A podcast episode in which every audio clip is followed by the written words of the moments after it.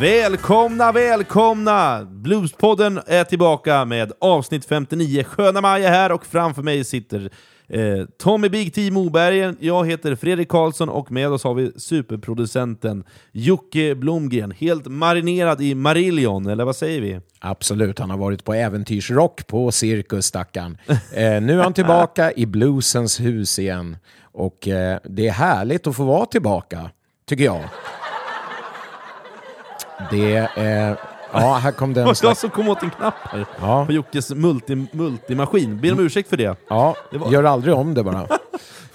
Ja, ursäkta den här stökiga inledningen, men ni har ju landat in då i Bluespodden som sagt. Precis. Och vad är det för speciellt med det här avsnittet? Jo, och vi fortsätter vår beröm, vi får säga vår succé-intervjuserie. Absolut. För det här har faktiskt varit en succé. Förra gången var det Claes Yngström som vi bjöd hem på lite vin här. På vin och ost och tilltugg. Ja, exakt, exakt. Och denna gång så har vi faktiskt, vi har ju en mobil studio, så vi har faktiskt begett oss till Vasastan, Mm. andra sidan stan, och intervjuat legenden Rolf Wikström och min stora husidol. Som, jag Absolut. har, som, jag har, som faktiskt startade min bana en gång i tiden, att jag började lyssna på hans musik. Och det var han som presenterade hela bluesvärlden för mig. Utan Roffe så hade jag absolut inte suttit här idag. Nej, Och det är en stor ära att få, få sitta och intervjua och få svara, eller han får svara på alla mina Ja. frågor och eh, det var en eh, ytterst trevlig pratstund som ni kommer att- att få ta del av alldeles strax här. Precis, Så att, eh, vad säger vi? Ska vi bara kasta oss rakt in i det? det eller? tycker jag. Det Nu vi. har ni en högtidsstund framför er, hörni. Precis. Häll upp en öl, eller en grogg, eller en,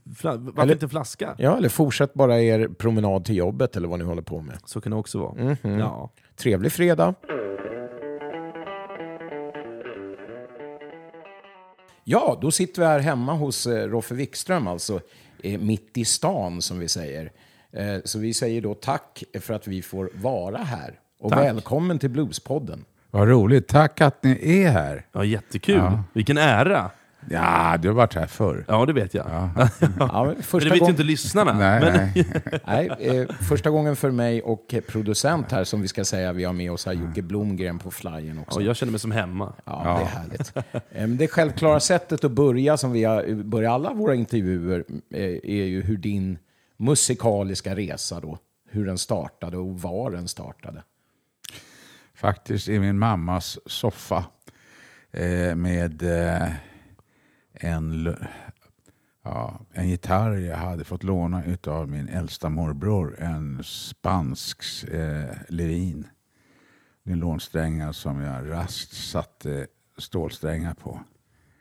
Och sen så började jag spela. Det var bara det att jag visste ju inte att man skulle stämma en gitarr. Så att jag satt och tog ut de melodier på strängarna då och hittade i ja, ungefär tre månader och tyckte jag utvecklades med bedövande hastighet. Och sen en dag så kom det hem en hantverkare och säger Jaha, är det du som spelar gitarr? Ja, så jag, jag spelar gitarr. Jaha, så han tog upp den och slog an ett ackord. Så fan, den är ju helt ostämd. Vänta så ska jag greja det åt dig. Och sen så stämde han den och sen så tyckte jag att han har ju förstört den. så att då var det bara att och, och börja om igen. Börja om. Alltså, ja. Men kommer du ihåg hur du lärde dig stämma gitarren då, sen efter det? Efter det? Jag skaffade, alltså, eller, vi hade fått då en massa musikböcker i skolan då. Va? Och då så stod det bland annat hur man skulle stämma en gitarr. Och sen hade jag utav min älskade morbror även fått en massa eh, ja, där det stod hur man skulle spela gitarr och så. Va? Ja, just det. Och jag kunde läsa så att det funkade. Vilken tur. Ja. Just, men kommer du ihåg första bandet då? Om man bara hoppar rakt in i, i... Vilket var ditt första band som du var med i? Han hette Hasse Olofsson. Ja, Det var bara han och jag. Vi, han spelade piano. Och eh, så började vi spela. Och då så säger han så här. Varför spelar du i en annan tonart än vad jag gör? Och då sa jag, vad menar du? Ja, du måste ju spela i samma tonart. Vad är det, sa jag. det, det är faktiskt sant. Är det sant? Ja, det är sant. Vad, vad, hur gamla är ni här då? Jag är väl 13 år ungefär. Va? Men och sen eh, så satt jag och spela och spela och spela och spela och spela och spela och spela. och spelade, spelade. Gick upp på morgonen innan jag stack till skolan och spela och spela och spela och sen hem på frukostrasten för att jag bodde hyfsat nära skolan och spela och spela och spela. Sen direkt hem efter skolan och spela och spela och spela. Eh, slängde i mig maten, spela, spelade, spela. Sådär. Ja, så var det. På samma sätt som jag innan hade spelat fotboll. Just det. Ja. Såklart. Ja. Men hade, fick du samma upplevelse som eh men hemma? Det var ju oftast uppskattat hos mor att jag spelade, hos mamma Lena. Men det är ju inte alltid att det var uppskattat. Ibland så fick man ju... Ja, mamma var aldrig hemma. Så att det, det, men, det, ja, men det är sant, Ja. alltså, det var nästan aldrig. Men, eh, ja, min syster hon var stor motståndare till mitt, med, med, mitt musicerande. Ja, och speciellt alltså, när jag hade börjat spe, spela blues då, så han så här, "Ah, det låter ju värre än, eh, än en katt som ylar. Eller vad jag säger. Ja. Ja. Men tji fick hon. Ja, tji fick hon. Och var, var geografiskt är vi? Då snackar vi om Wennerbergsgatan 6 eller Svedbergsplan 5 i det så kallade kollektivhuset. Okej. För att det var ett hus eh, gjort speciellt för ensamstående kvinnor där det fanns restaurang i huset och man kunde få städning om man ville ha det och sådär. va.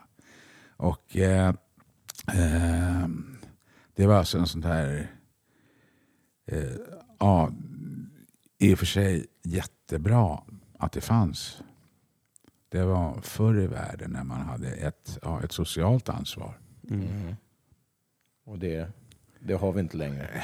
Det tycker jag väl inte att man har. Nej. Nej. Nej, men den typen av möjlighet finns ju inte i, idag.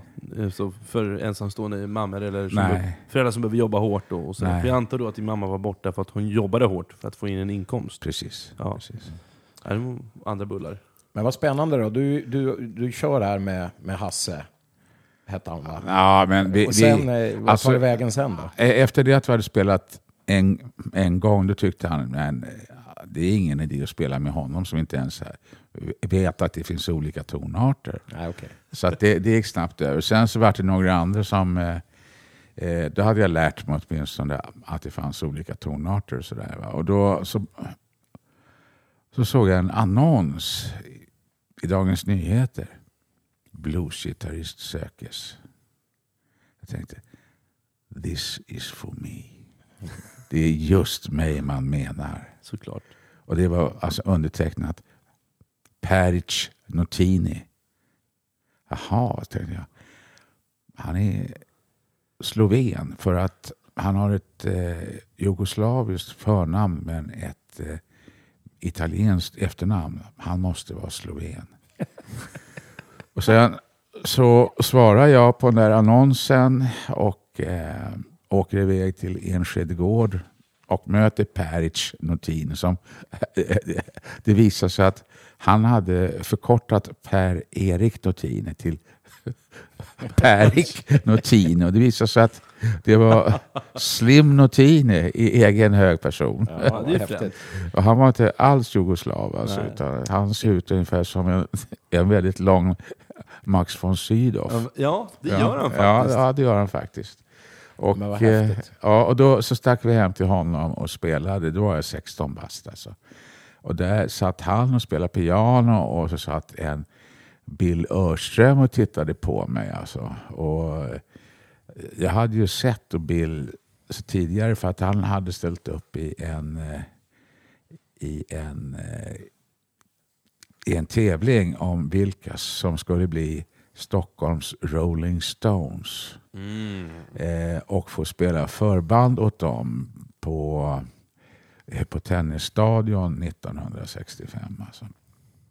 Och eh, då döpte han sitt band till The Merrymen. Eh, Och det var jävligt listigt för att det var faktiskt den svenska eh, fruktstrodikopian alltså utav Seven Ups och Sprite som då hette Mary. Jaha. Så det var ju jättelistigt att de döpte det till The Merrymen och giv, givetvis de vann. Såklart. Ja, då var det han som sjöng och spelade eh, munspel och försökte allmänt se ut som Mick Jagger.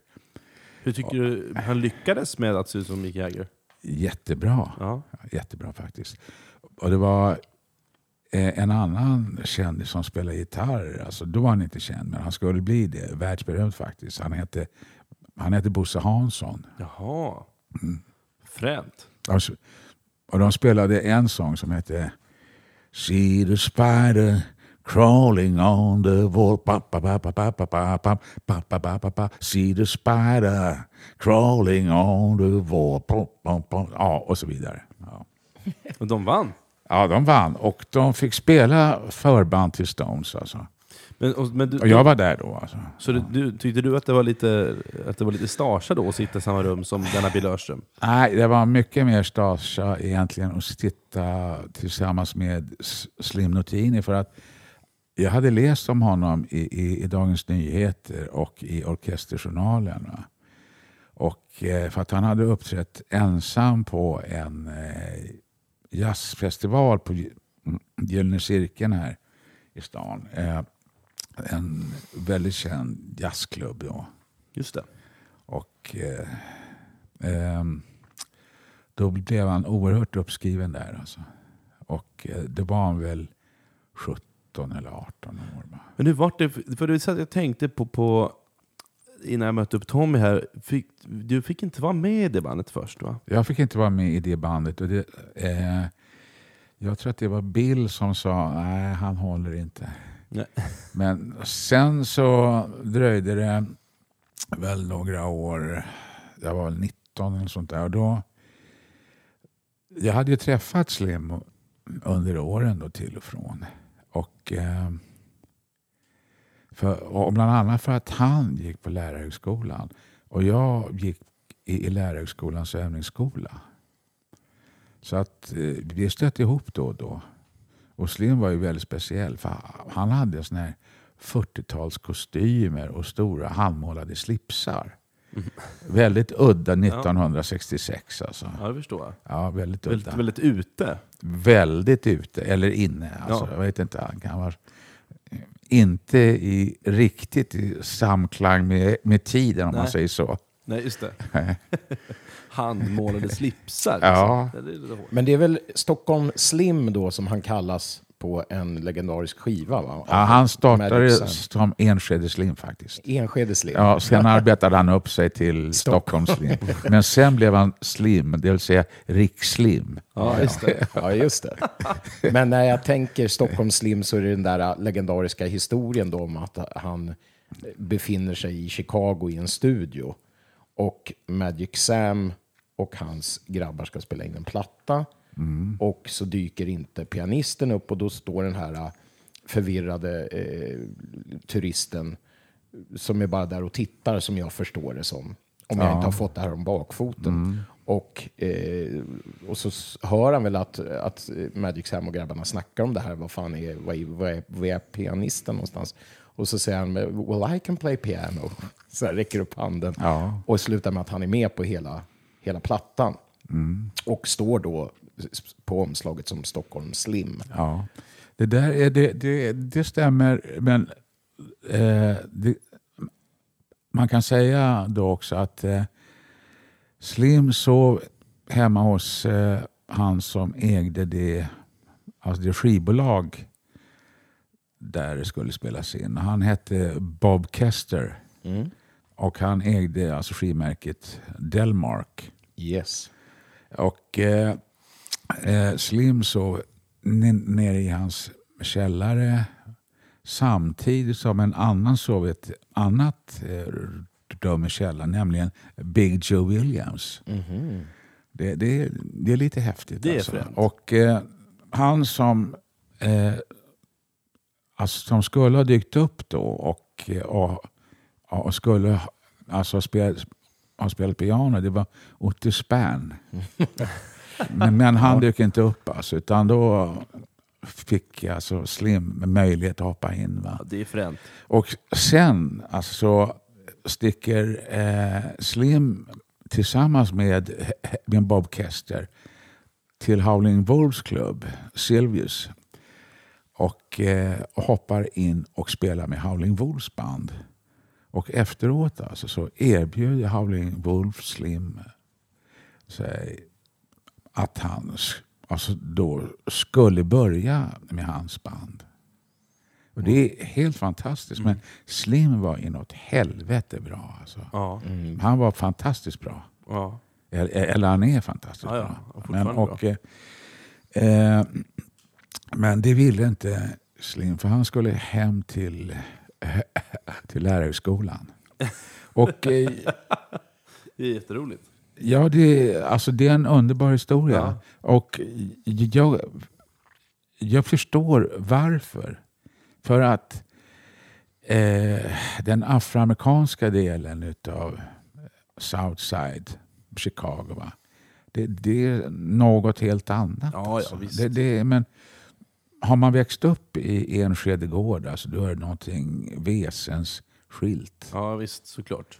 Och det, Absolut. ja, Det kan man ju förstå. Men det är fantastiskt. Det är roligt att ändå tacka nej till Gud, som du någon gång har uttryckt det. ja, ja, det är, jätte, det är Han- jättekonstigt. Eh, kanske hade fått lite protection av, av Howling Wolf och Ja. grabbarna i alla fall. Alltså. Ja, Om han har hållit sig nära dem hela tiden hade han kanske klarat sig. jag vet Någon en, månad eller två. Mm, jag vet en annan som eh, också var där eh, året innan. Eh, och han blev knivskuren, höll på för halsen avskuren. Oj! Ja. Så att det där, det, det, det är ingen lek alltså. Nej, det är visst. Det är, alltså. Om man är vit på fel ställe, alltså, det, då är det fel ställe. Det upplevde till och med jag, och det, det är ju långt, långt senare när jag Ja. var i i Chicago och gick till på, skulle över gatan bara till, till en sån här liquor store och märker Ja. att liksom någonting bara får mig Ja. att inse precis i grevens Ja, tid att oj, oj, oj, om jag fortsätter gå över här nu Så är det fel. Ja, för det, det var bara ett gäng som stod och liksom gnuggade händerna. Ja, jag, var, ja. jag var ju deras, liksom. de såg hur vilsen jag var.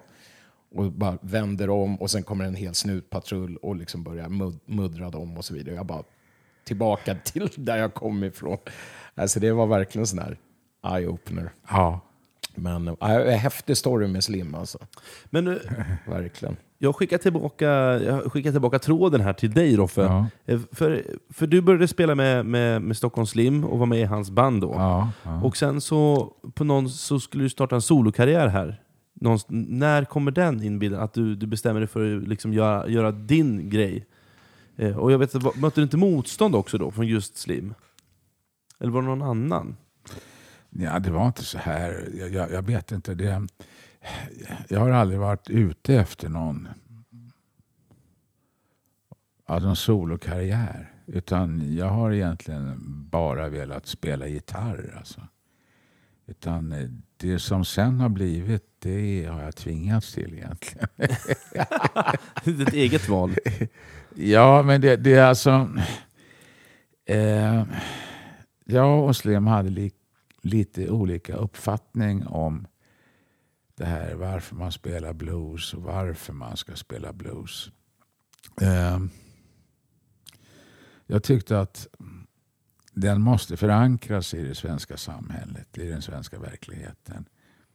I annat fall då blir det som om man satte på sig någon lösnäsa och var något man inte är. Va? Men det, det är som om, ja, alltså om, ja, Muddy Waters skulle försöka göra Svansjön. Va? Det, det, det funkar inte. Där. Men och, det där snackar vi väldigt mycket om. Va? Och eh, vi hamnade i väldigt många debatter om det där. Alltså. Vi var väldigt oense. Och, eh, jag skrev ju sånger och sådär. Det, det, det är inte så att jag har velat det, utan det bara uppstår i huvudet på mig. Alltså. Och, men sen så blev det väl så att jag tackade mer och mer nej till spelningar med Slim. Så han tröttnade då till slut på mig. Och, eh, ja, och gav mig sparken. vilket jag upplevde lite som en, alltså en befrielse. För att eh, jag blev väldigt nervös av, av att spela med honom. Alltså. Jag vet inte om det är för att jag har svårt att leva upp till andras krav. Det, så, så är det säkert. Va? Det är enklare att Jag har svårt att avstå ifrån att vara den som håller i, ja, i taktpinnen. Jag förstår. Ja. Har det varit så hela ditt liv tycker du? Eller är det någonting som, som du har kommit ifrån? Eller vad, vad säger man? Hjälp mig Tommy. Nej, men du, du, du undrar om, om det är så för dig fortfarande? Liksom, att du, Ja. ja, alltså nu är det en sån integrerad del av mig. ja. Men att det, det, allt annat är ju egentligen otänkbart. Alltså, även om jag försöker då hela tiden leva upp till andras krav och anpassa mig. Va? Men Ja. och, eh, eh, så har jag tydligen någon slags ja, omedvetet dominant personlighet. Det är ingenting som jag eftersträvar eller eh, vill eller är stolt över eller någonting sånt. Va? Utan det, det, man är väl som man är antar jag. Och det, just det här, alltså, så har det alltid varit för mig. Va? Jag, jag, jag går min egen väg på sätt och vis samtidigt som jag är väldigt beroende av andra människor. Men det känns som att du verkligen gjort med tanke på att du just började sjunga på svenska och du släppte ju Sjung svenska folket. 75, 75. inspelad 74. Precis. Och, eh, alltså, då hade jag ju haft den eh, skriven och alltihopa klart 72 ungefär. Va? Men och sen så fick jag inga som ville spela in den. Och det är ju för att eh, min sång är lite artfrämmande, eller var väldigt artfrämmande. Nu är den lite bättre. Ja. Så du menar att du, ja, allt med mu- musiker, musikant, du hade svårt att få folk att liksom Nej, ställa inte upp på det, utan det var närmast som kommersiella Ja, skivbolag. Ja, okej. alltså skivbolag va? Så, som, eh, så tyckte att det här förstod de inte. Det här var jävligt konstigt. Och det är i, en tid när det var väldigt högt i tak och man hade möjlighet att vara hur, hur jävla konstig som helst egentligen. Alltså, Ja, det var ju verkligen så. Då. Men jag tänker, det måste ligga rätt i tiden med hela progrörelsen, jag menar solidaritet och, och Ja, det som ja. du sjöng om. Sådär, det måste ju ändå... Så det var det bara sången då som de, som de, som de hade emot? Som du upplever det då? Så här. nej, men det, är väl, min- ja, det är väl min stamning också, Mm. antar jag. Det är eh, givetvis. Nu är, är, alltså är min stamning mycket, mycket mindre än vad den har varit. Mm. Ja, det är, det är ingenting man tänker på. Absolut inte. Men, det, men det, det kom även fram i din sång då, upplevde? Nej, inte alls. Nej, Utan, eh, eh, det är väldigt vanligt att både sångare och skådespelare stammar. Ja, ja, men det, det, det försvinner när man, när man sjunger eller, Ja, precis. ja, eller ställer sig på scenen. Ja, just det. Just det. För att man där ikläder sig en annan klädesdräkt. Ja, nej, men det kan man väl känna. Man går in i någon slags persona Ja, då. Sådär. Det är svårt att hitta... ehm, gud, idag så funkar inte jag ord, är något ord jag söker. Men jag går vidare. Absolut. Tack för hjälpen förut Tom. Ja, men jag, jag, det är svårt att hitta in i ditt huvud ibland. Ja, jag förstår det. det har gått fem, fem år har jag hållit på, eller vad är det? Nej, fem år nu. Jag var inne på Ja. vårt femte år med podden. Men eh, för där du släppte Sjung Svenska Folket och sen så har du turnerat med, med bluesmän som Roy Brown och Albert Collins. Eh, Kan du inte berätta lite om... och Charles Brown också. Charles, Charles Brown. Ja. ja, det är ju, alla de tre herrarna är ju stora personligheter och väldigt viktiga var och en på sitt sätt. Alltså. Eh, och det är svårt att förstå hur stora Roy Brown och Charles Brown var andra halvan av 40-talet och första halvan av 50-talet. De- De var ju gigantiska. Ray Charles, han startade ju sin karriär med att imitera Charles Brown. Och det, det alltså han eh, nästan ja, orda, alltså ordagrant. Va? Alltså han verkligen imiterar honom. Alltså hela stilen. Va? Mm, ja, och, och Roy, alltså han... Hela hans grej ligger till grunden för soulmusiken och, eh, ja, och rocken. Det, det är hans sätt att, att dansa och röra sig. Va? Det, det, det blev imiterat av både Elvis och James Brown.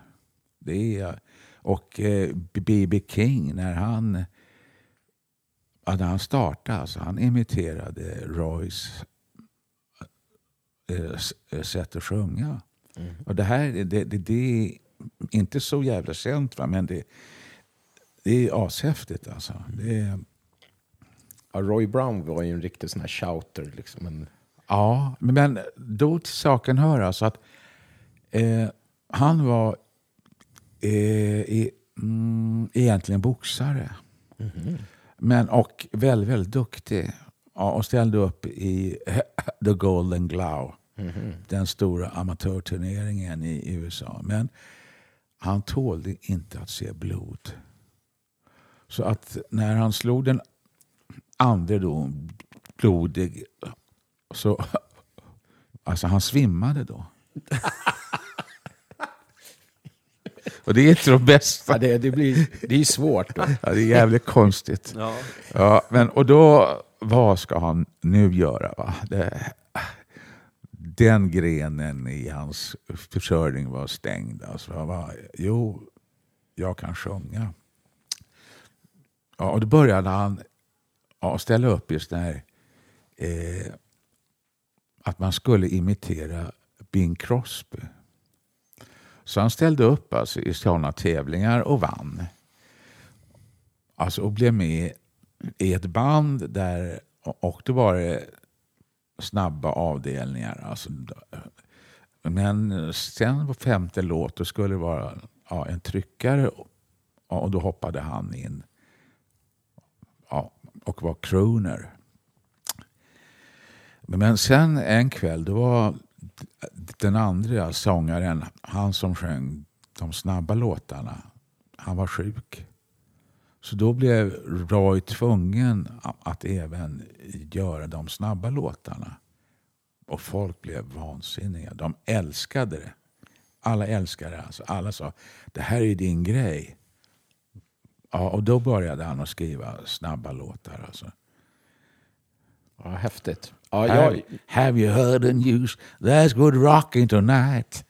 Klassiker. Ja, precis. jag tror att jag håller, eh, fortfarande försöker hålla liv i något som heter Bar Room Blues. Som han gör också. Eh, superhäftigt alltså. Eh, galen, galet bra sångare. Men hur var, hur var din upplevelse av att, att faktiskt vara ute då med, med, de, med de här? Och Albert Collins med sin, med sin långa gitarrsladd och allt vad det var. Och sitt speciella sound. Alltså, det var väldigt, väldigt roligt för att det blev ju del av den här historien som jag har sökt hela livet. Då, alltså den här svarta musikhistorien. Och eh, Roy, han var ju... Han hade varit gift med samma fru i eh, alltså hela sitt liv. Och eh, han drack ingen alkohol. Alltså. Charles drack ingen alkohol. Men Albert Collins han drack alkohol för allihopa. Alltså. jag köpte två hela Jim Beam åt honom varje dag alltså, när, när vi var ute och åkte. Och hur länge var ni ute och åkte? Eh, ja, en dryg vecka. Och eh, han hade, Gick, gick båda åt? Ja, han hade med sin hustru då, Gwen Gwendoline. Eh, och eh, hon drack väl en liten slatt. Och när hon inte var med, vilket, eh, alltså hon var kvar i, när vi spelade i Uppsala, då ville hon vara kvar på hotellet i Stockholm. Och då drack han hennes slatt också, då blev han regnfull. Och, då snackade vi om att hon kanske drack 15 centiliter, och sånt där, va? En, en liten del. Va? Men, och sen i Oslo blev han också väldigt berusad. Där hade man inte Jim Beam utan då istället så handlade jag Four Roses åt honom och det var fel. Fel kemisk sammansättning. Där blev han drängfull alltså. Nej, Men inte i övrigt va, men väldigt, väldigt trevlig. Alltså klockan, klockan 12 då sa han så här varje dag. Eh, Well, it's 12 o'clock and the bar is now open. Han hade sånt skrattar som en så här, trasig startmotor. Ja, men så mycket whisky ska jag tänka mig det. Fan, det måste varit otroligt, men det måste varit otroligt lärorikt att få spela som, som ung musikant, tänker som du är inne på Tommy. Mm. Alltså att, att få vara, vara med och se och lära, antar jag. Ja, alltså en grej, och det, det, det här säger jag inte för att... Men jag tyckte att det, det blev jävligt jobbigt också. För att eh, oftast fick jag vid presentationen mer applåder. För att det, det, jag hade ju sålt en massa skivor i Sverige. Va? Just det. Och eh, till sist så tyckte jag att det blev så jävla pinsamt att eh, jag avstod det där. Alltså. Jag, jag, ville inte åka omkring längre med dem för att det blev... Det kändes fel för dem och det kändes fel för mig. Just det, Men kunde du, märka, kunde du märka det på både Charles Roy och Albert, att de tog åt, att de tog illa vid sig? Ja, de första spelningarna alltså. Absolut. Och ehm, de tyckte att det blev väldigt konstigt. Alltså. Ja, Jag kan, tänk, kan förstå det. Det känns också som... Men du har ju också väldigt lång erfarenhet med amerikaner och... Ja, jo, och jag, jag, jag har själv blivit tillsagd av mina bandmedlemmar att jag måste tona ner mig själv så att jag inte liksom tar över showen om man säger. då. Eller att jag spelar på något sätt över så att publiken ja, men dansar och är jätteglada och så kommer den riktiga bluesmannen på efter och kanske vill sitta ner eller inte alls ha mitt utspel på scenen och så går de fulla, drängfulla eh, killar ur publiken fram och säger men fan, ta bort den jävla gubben, ni var mycket... be-" Ja, du vet sånt där. Det kändes också... Det blev ju helt kontraproduktivt Ja, ja, alltihop. ja. Liksom. Ja, visst, så visst. jag, jag, jag lyssnade på det där och försökte tona ner och tror jag tog bort så att det bara till slut att vi bara kanske öppnade med två låtar eller något sånt där. Att det, vi tog bort oss själva mer eller mindre. För att, ja, det var ingen idé att stå och hålla på och köra en hel show. Och så kommer stjärnan upp då och så blir det liksom inte alls samma mottagande. Så att, nej, jag, jag, jag kan känna igen det där, exakt hur du menar. Eh, ja, men du som är gammalt Roffe-fan. Ja. Jag är inte alls på, på samma... Alltså jag, jag har ju levt och ha- haft dig såklart vid sidan av, av eh, andra storheter som Totta och Sven och, och sådär. Men du har ju verkligen en, en gedigen liksom fan. Så är det. Eh, så att det... Och eh, ja, men då, nu kommer ju en ren fanfråga här, från mig och alla andra fans. Det är ju att när man träffar andra Roffe-fantaster ute i landet och eh, man börjar prata om din musik så är det två saker som är, som är märkbart, det som folk pratar om. Dels så är det din gitarr, men också är det främst texterna som är mest uppskattade. Och nu sa du precis att du mest bara vill åka runt och spela gitarr, att det andra är bara ett missförstånd. Men hur, hur ser du själv på låtskrivandet? Jag tänkte, hur författar du sångerna och hur känns det liksom att blivit förknippad så med sina texter också? Att folk tar sig till dem och de gråter och, älskar och skrattar. Och Ja. liksom att, hur, hur förhåller du dig till det och hur ser du på ditt låtskrivande undrar jag och säkert många andra.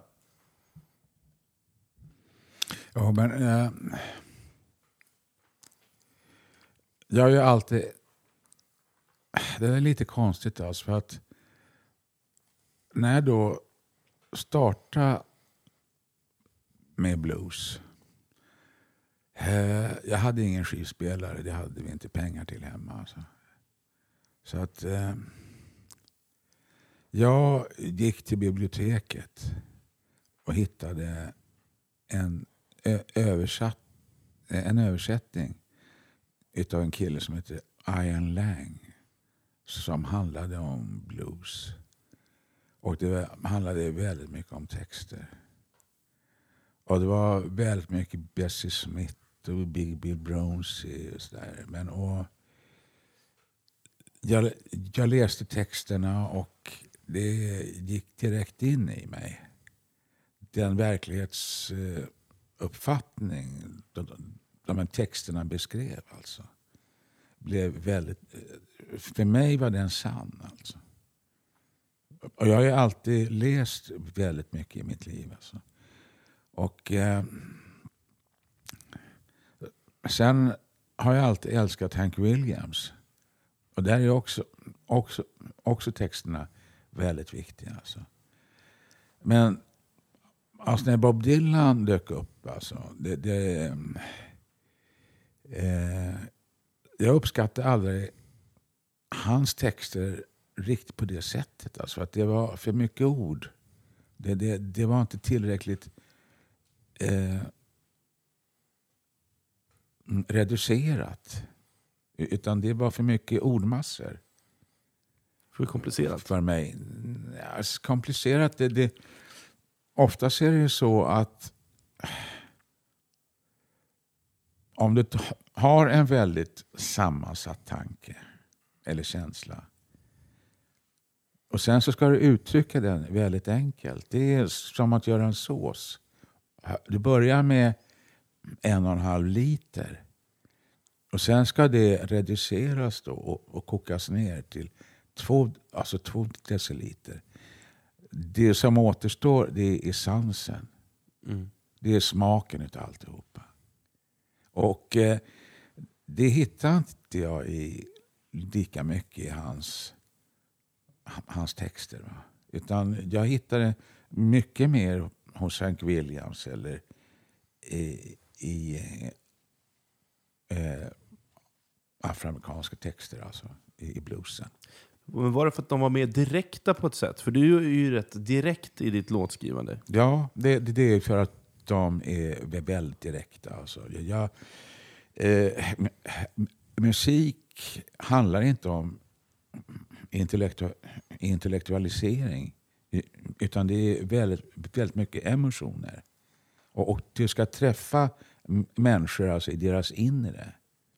Eh, alltså, eh, intellektet hör inte hemma där egentligen. Men, och det där det synsättet stämmer väldigt illa med hur man i Sverige då uppfattar musik. Alltså att om du ser då någon som eh, Lundell eller Winnerbäck eller sådär. Va? De, det är väldigt mycket ord.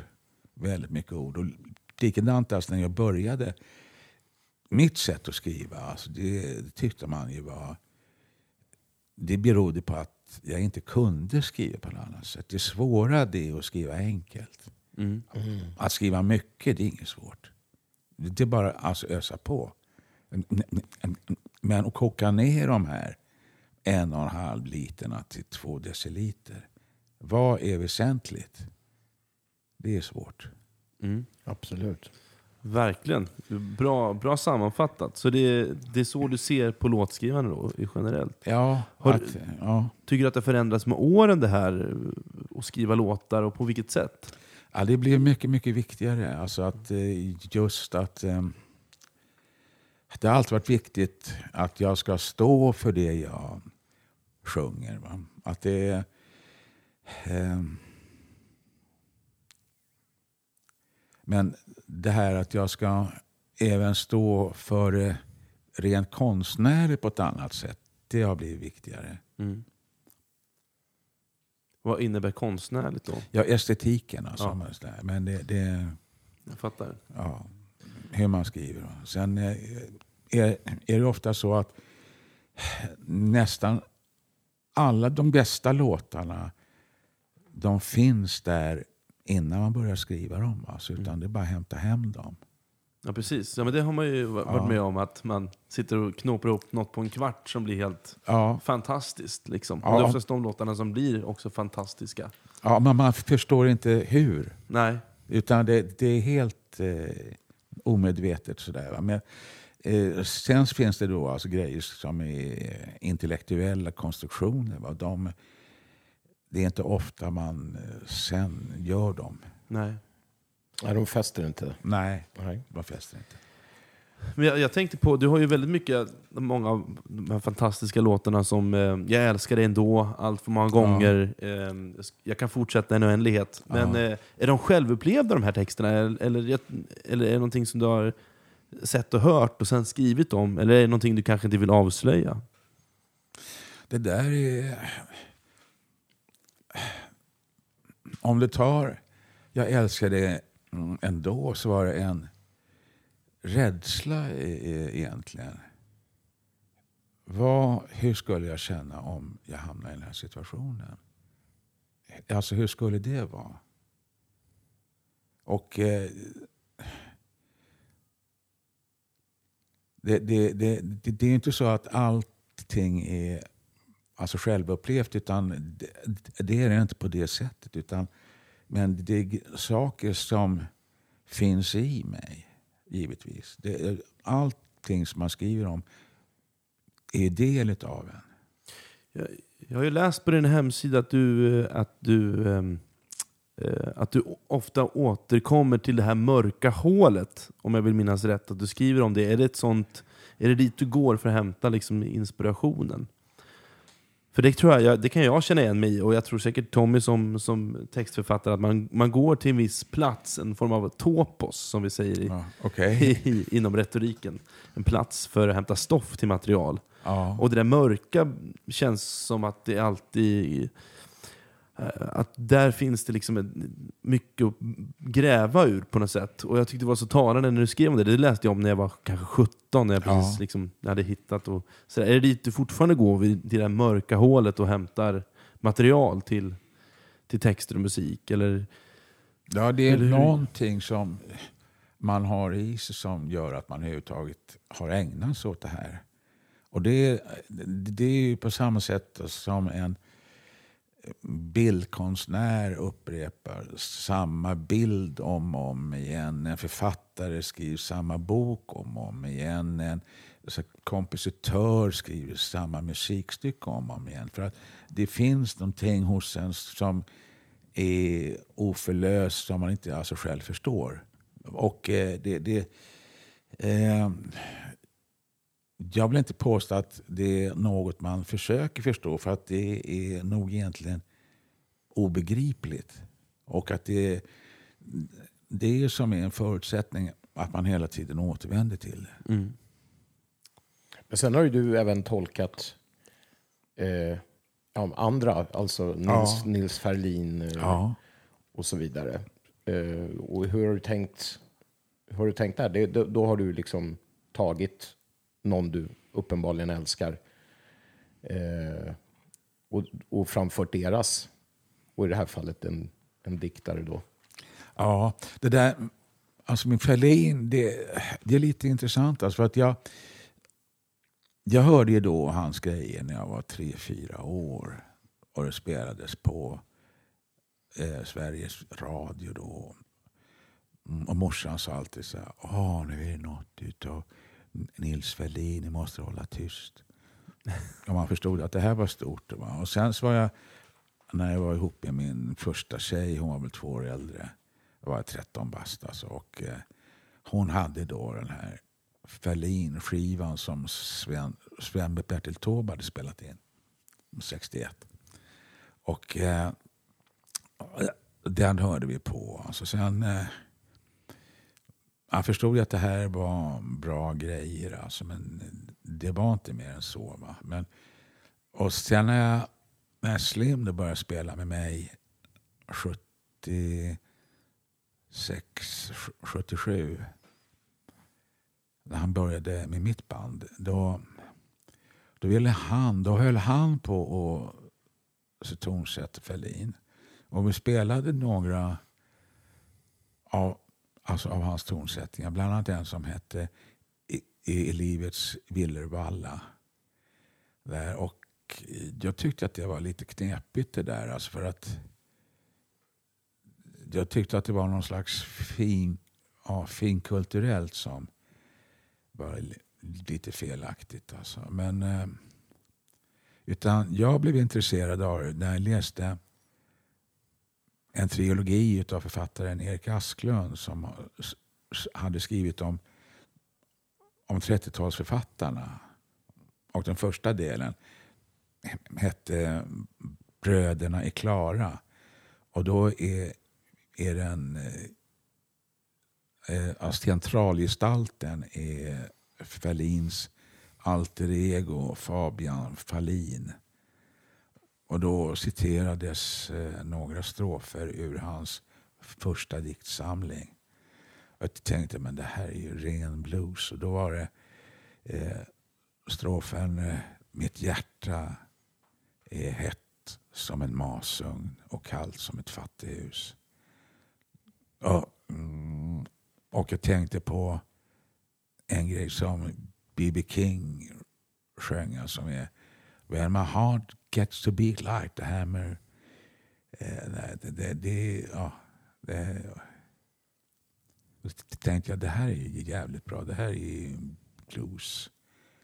Och då började jag läsa honom och började, började så, så tänkte jag över de grejer jag hade hört av honom. Just det. Och då får du en, form, en, en hit, kan man väl säga. Någon, någon slags medial ja, det var, ja, genomslag ja, där med... Eh, innan alltså gällde skivförsäljning så hade inte alls den varit i paritet med eh, hur mycket människor bidrog när vi var ute och spelade. Va? För att det var ju alltid oerhört mycket folk alltså, när vi var ute och spelade. Alltså. Och, och vi sålde ju inte alls lika mycket skivor utan det var aldrig mer än 10 000. Va?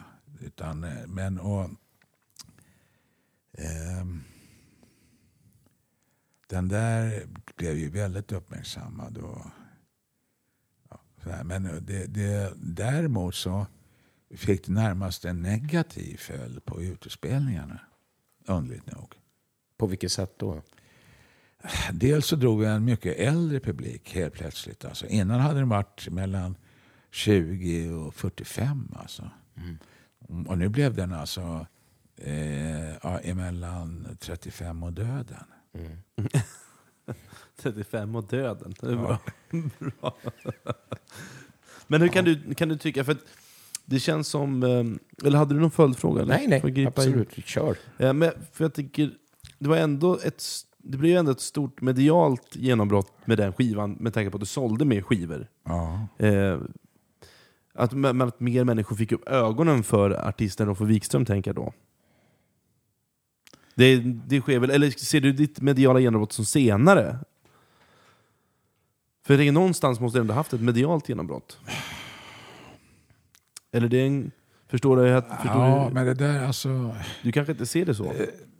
Om du snackar med folk i media då skulle de nog hålla med dig. Va? Men jag ville inte hålla med dem. Alltså för att jag tyckte jag gjorde fler intervjuer innan. Och eh, jag blev mer uppmärksammad på ett annat sätt. Alltså. Utan, eh, där, däremot efter den där skivan så blev det lite mer eh, samma publik som gillar eh, musik i allmänhet. Alltså, det vet jag inte om jag är så jävla intresserad av egentligen. Själv alltså. Nej, Det, det, jag fattar vad du Jag menar. förstår. Jag förstår.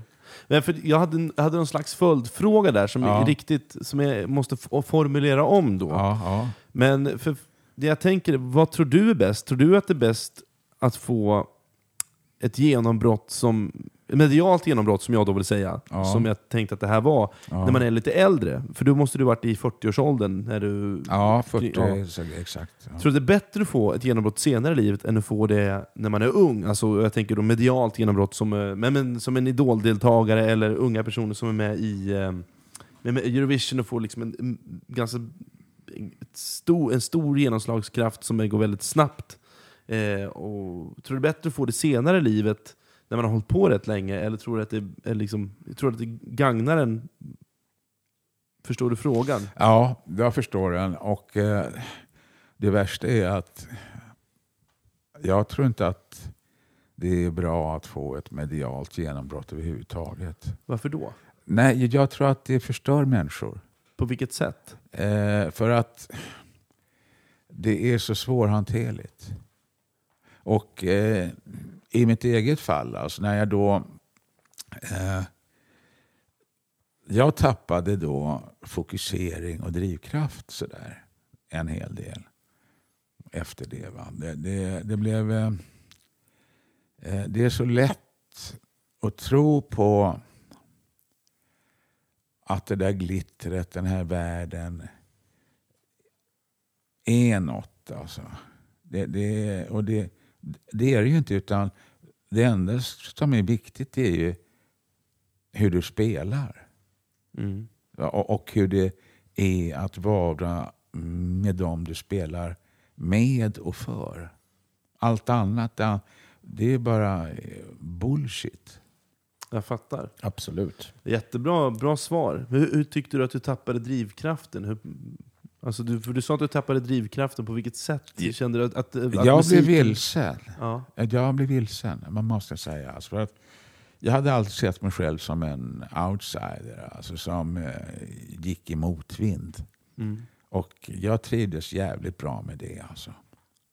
Och helt plötsligt alltså, eh, så hamnar det i någon slags insida. Och det, det, det passar inte mig åtminstone. Nej. Du kände att du, inte, att du behövde vara någon annan än dig själv? Kan man säga så?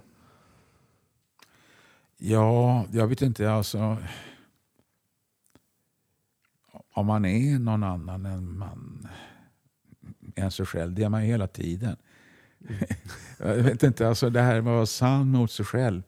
Eh, om man, det ligger ju i livets natur att man förändras. Det, det är ju alltså obenhörligt. Va? Det, det ser ju så. Och eh,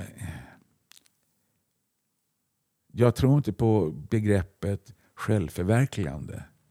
För att det, det, du har inte... Det, det finns ingen själv att förverkliga utan du är ju hela tiden det själv du är. Mm. Alltså sen att du har drömmar om att bli eh, konstnär eller någonting annat, rik eller någonting sånt. Va? Det, det, det, du blir ju inte förverkligad av att uppfylla dina drömmar. För dina drömmar är hela tiden någon annanstans.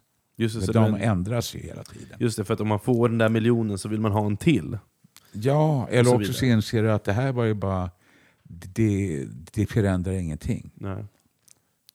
Jag förstår. Det, Ja. fan, det, känns, det känns som vi nosar lite på någon slags Nietzsche här. Men, men det gillar jag. Men, vet du vad vi gör då? Då, då bryter vi och går direkt in på, på eh, hårdvaran, intellektuella eh, och din akademiska bakgrund. Ja. Ja, det är kanske torraste man kan göra i en bluesintervju. Men killen som sitter här utan mikrofon emellan oss eh, har en undring här som då jag kan förmedla. Eh, Ja. och, eh, för han saknar mikrofon, eh, ni som inte ser oss. Eh, han undrar ju då hur det här har varit möjligt att hinna med och, och få denna gedigna akademiska utbildning samtidigt som du har ja, hela tiden producerat, turnerat, gjort plattor och så vidare. Hur har det gått ihop? Och följdfrågan, har du haft någon användning då för den här eh, akademiska utbildningen? Mm. Jättebra fråga. Eh, för det första då, hur man hinner. Eh, jag gick ju på universitetet då och fick en, läste ihop en filkand samtidigt som jag spelade med Slims band. Och eh, jag har alltid haft extremt lätt för att lära saker. Va? Där, och eh, det, det, fäster sig bara alltså. Eh, så att, och, och speciellt om jag hör dem. Det då, så att jag gick ju på alla föreläsningar. Och sen behövde jag inte göra så jävla mycket mer. Alltså. Nej, Men, och, sen eh, om jag haft någon användning av det. Så kunskap är en väldigt lätt börda att bära. Det, det, det är inte så att man... Eh, jag ångrar att jag har lärt mig nationalekonomi eller någonting sånt. Utan eh, det, jo, så tillvida att jag blir väldigt förbannad när man alltså, hör politiska diskussioner om dem, att de är helt uppåt väggarna. Då blir man ju förbannad. Men eh, inte i övrigt så är det enkelt. Alltså. Men du har inte använt, eh, du har inte jobbat vid något tillfälle inom det här? Som du... Jag, den hemska sanningen är att jag efter det att jag var klar då på universitetet va, så gick jag arbetslös i jag tror nästan ett år. Och sen så fick jag någonting som hette AMS-arbete. Det vill säga Arbetsmarknadsstyrelsen gick in och betalade ett jobb för mig på Länsstyrelsens regionalekonomiska enhet. Ja, det låter sexigt. Det, ja, det var sexigt. Sådär. Men, och, eh, det var i nio månader. Under den tiden så spelade jag in mitt första album och det släpptes då. Och eh, sen när det där tog slut då så, så tänkte jag, är det någon mening med att jag söker något annat arbete? Nej, det är det inte. Alltså då vart det bluesmusik för hela slanten helt enkelt. Ja, ja. Men, alltså, jag hade hamnat i en sån situation att det inte fanns något annat val för mig. Va? Utan jag, jag, jag insåg att jag kunde inte, inte leva i den där världen. Och den världen skulle, skulle inte kunna leva med mig heller snarare. Nej, men det, och det är vi glada för. Det, det ledde fram till att vi sitter här idag också. ja. Men eh, en, en, en, jag är ju då stora killen här som har... eh, Ja, stor det är jag också, men jag tänkte mer i frågemässigt. Jag tänkte, vad, vad är bluesmusik för dig? Vi har varit inne och nosat på det här lite med Slim Notini, och, Ja. och att det är, men vad betyder det för dig egentligen? Bluesmusiken, vad är, vad är det och vad betyder det för dig? Så här, Det var väl en enkel liten ja fråga? precis.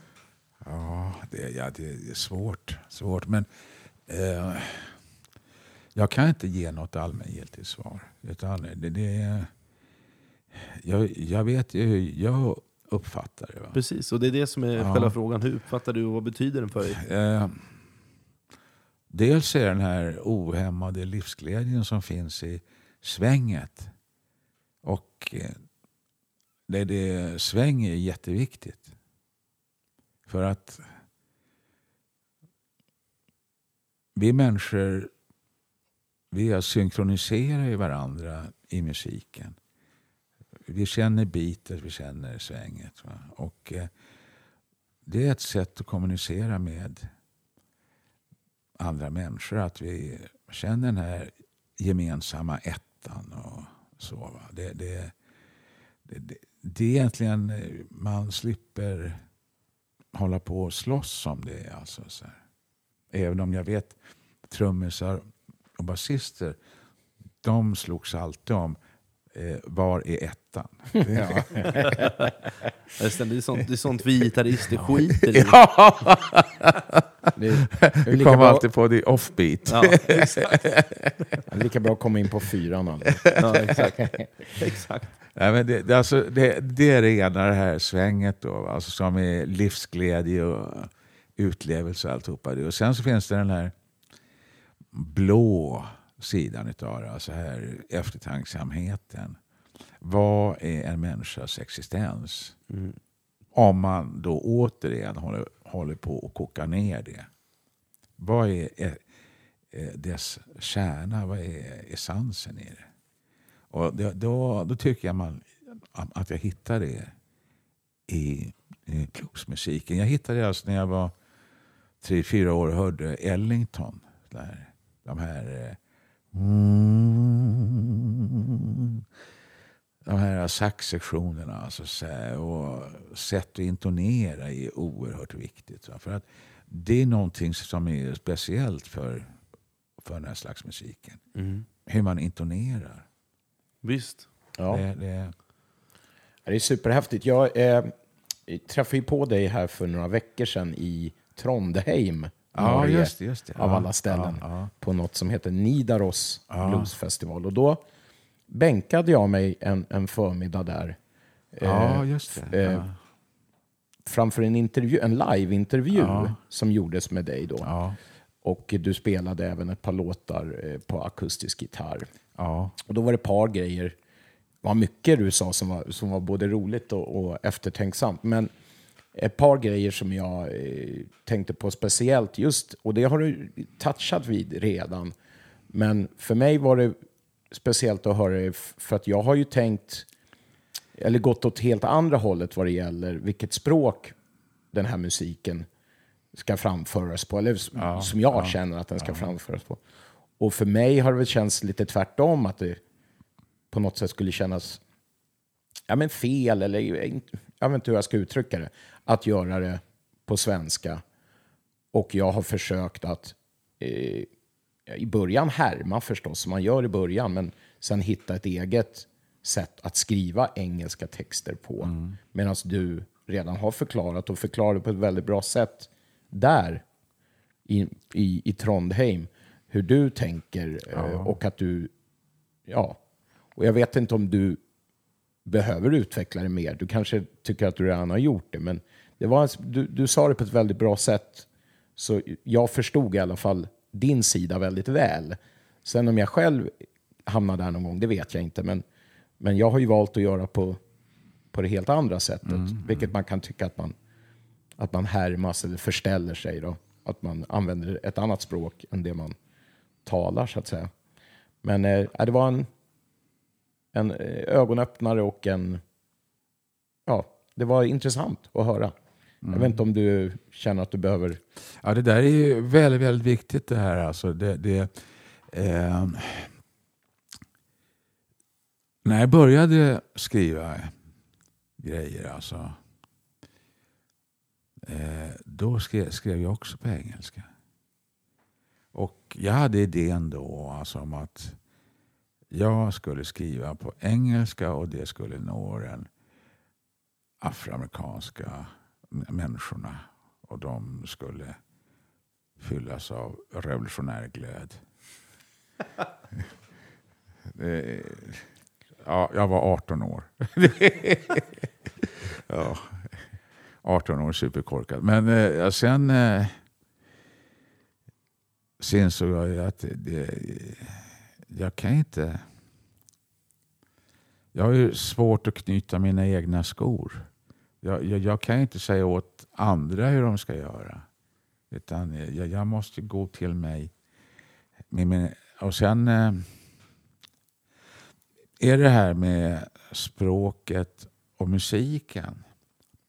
Jag har, och även musikvetare har jag hört, alltså håller med mig i det. Va? Att, eh, musiken uppstår ur språket. Alltså. Att, eh, och det förklarar skillnaden mellan till exempel att fransk klassisk musik klingar på ett sätt och engelsk musik på ett sätt och tysk på ett sätt. Va?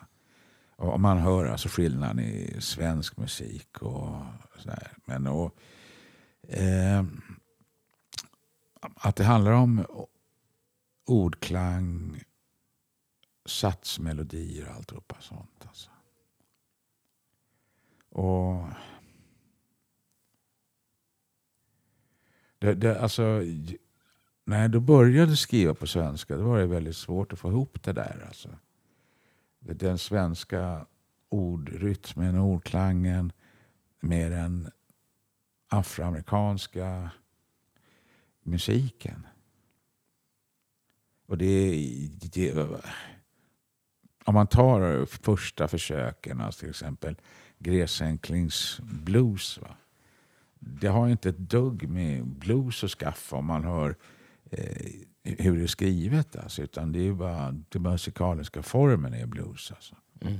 Men eh, det, det, och det där hur man skulle få ihop det där, det var ju inte enkelt. Alltså. Det, det hörs ju alltså, på mina första skivor också hur jag har slagits med och hur jag, och hur jag inte har vunnit. En inre kamp. Ja, nej men det, det är ju, vissa grejer det är när man hör idag att så tänker jag, men hur i helvete kunde jag? Jag tror inte att det är vanligt. Jag tänker, vi sitter fyra musiker där. Det är Ja. jätte... Jag tycker det, det första man har spelat in är ju... Man avskyr det. Mm. Något fruktansvärt. Nästan allt i alla fall. Jag Ja, ja. Det jag, men det är ingen, Ja, ingen ja annan men det, tänker på det, jag, jag, jag håller med dig. Det, det, jag tycker att det är en, en pina. Alltså, men eh, efter 20-30 år då ges även de äldre grejerna ett slags eh, förstonande, att man kan se på det med lite viss farbroderlighet. Alltså. Ja. ja, jag var ju så ung. Ja, precis. Ja, jag, jag, jag eh, uppskattar din, eh, vad ska jag säga, ditt sätt att se på det och jag kan även uppskatta en, en eh, man som till exempel Sven Zetterberg då, som skrev också på något sätt sina helt egna upplevelser och sina egna tankar och texter fast på engelska. Och jag tycker ja. att han faktiskt rodde det i hamn ofta, inte alltid. Ja. Absolut inte alla gånger, men, men oftast. Så jag tycker väl att man kan göra både och. Och jag just nu, eller än så länge, har föredragit engelskan. Då, då. Men, ja. eh, men det är spännande att höra. Jag, jag, jag tr alltså tror att det man missar, va? det är det här att då andra människor. Alltså att om du ska sk skriva på engelska, då måste syftet vara att du ska ha alltså hela den globala eh, mm, marknaden. Va? Men, men du kommer aldrig att träffa lika djupt. Nej, som nej. Du, men och, eh, det har du säkert rätt i. Ja, utan för att då göra det i din egen omvärld, då måste du göra det på ditt eget språk. För att det, det är alltså skillnad att säga alltså, I love you och jag älskar dig. Det, det, eh, men, mm. men, men, som sagt var, jag började också skriva på engelska. Alltså. Mm.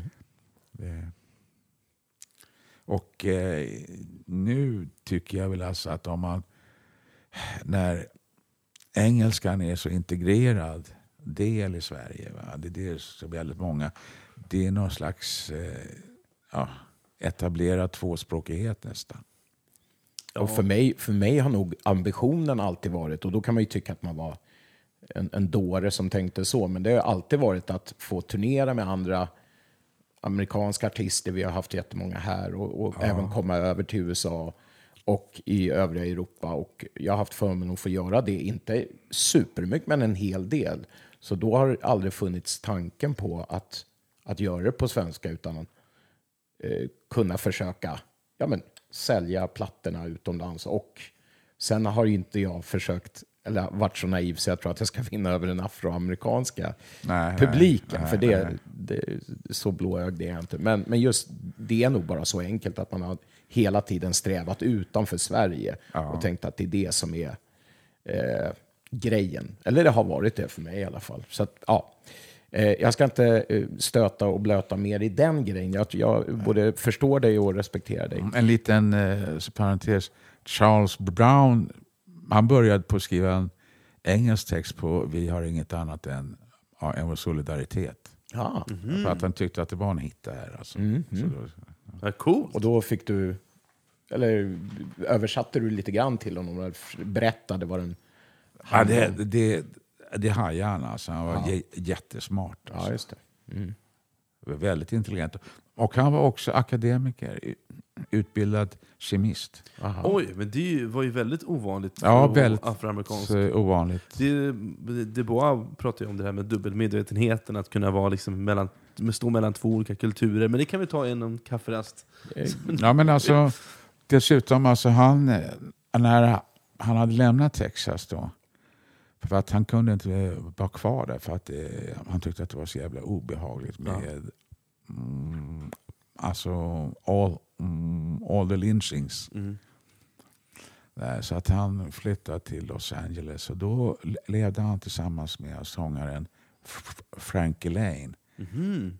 Han som sjöng Rowhide, Rowhide, Rowhide. Allt det där. Ja. Var, var de ett par alltså? Ja, de var ett par. Mm. Ja. Ja, eh, min andra grej som inte har eh, någonting med musik, musiken överhuvudtaget, eh, som jag fastnade för ja. i din intervju då, ja. det var ditt, eller är ditt stora intresse för fotboll, ja. som eh, vi delar faktiskt. Eh, och eh, där ditt gäng då, Bayern tyvärr gick om mitt gäng, Gnaget, Ja. till serieledning i Allsvenskan igår. Högst temporärt. Ja, det får vi hoppas. Eh, hur ser ditt intresse ut eh, om du målar en bild för, för, eh, för mig och lyssnarna? Har du årskort på, på, på Tele2 eller ja, hur ser det ut? Ja, men nu har han faktiskt fått det alltså utav Bayern fans. Nej, Men och, och alltså innan så hade jag det i alla år. Sen under en viss tid av mitt liv då eh, flyttade jag ner till Västergötland och då upptäckte jag att jag utnyttjade årskortet eller ja, säsongskortet ja, tre gånger under en, en säsong. Det var ingen mening med det. Men i övrigt, jag, jag har ju levt med fotboll alltså jag var tre, fyra år. Alltså. Det, det, I och med det att eh, min yngsta morbror, han spelade med i AIK då. Han gick över ifrån Hammarby efter sju säsonger till AIK. Eller de köpte över honom. För tusen spänn och två kostymer. För att då, då, då var AIK sponsrat av herrekiperingsfirman Karl Albert. Ja, vi har alltid haft stil. Ja, det har ni haft. Ja. Smokinglirarna. Yes, yes, yes. Ja, vi får väl se. Vi väntar med spänning här. Men det, men det var han som sen hamnade i, i vår gemensamma fiende. Djurgården, ja. ja, Ja. ja. Ja, men det, det vi kan väl enas där i alla fall i fotbollen, att Djurgården är, kan dra åt helvete. ja, ja men jag, jag, jag, Behöver du inte ens tycker- fråga en gnagare. Nej, men jag, jag, jag tycker att... Eh, jag hade med mig min yngsta dotter nu på Söderstadion. Eh, och vi såg mot, mot Malmö FF. Och hon tyckte att det var läskigt med den här aggressiviteten. Och det, jag håller med om det. Det, det, det är alltså för att jag, jag tycker att eh, vuxna människor som står och skriker och börjar och, och leva rövare över ett domslut att ha sig. Det är en lek. Ja. En lek man är tvungen att, ja, att ta på allvar. Men till syvende och sist det är ju en lek. Det, Ja. Och eh, alltså spelets skönhet va, är det som för mig har varit det centrala. Hellre en klackspark än ett mål, men jag är Hammarbyare. Ja. Jag är nöjd om vi gör 1-0 och lägger oss på defensiven. Ja, ja. Spelar så kallad skitfotboll. Ja. Nej, men så var det inte med AIK förr, utan då kallades ni för sm- smokinglirarna. Men det var på 30-talet. Mhm. Yes. Ja, tyvärr lite före min tid. Jag missade det. Mm. Min farsa spelade också med i, i AIK. Jaha. Men det var på 1910-talet. Ja. Men vad udda att du blir bajare då. Nej, nej, nej, nej, nej. Eh, jag växte upp då, alltså 100 meter ifrån Kanalplan Ja, i, ja. i slutet av eh, utav Södermannagatan. Mhm. Ja, då går det inte att... Nej, det, det, all, allt annat det hade varit självmord. Och nu, och nu har de en gnagare på Långholmsgatan. Ska de, ska de bara veta.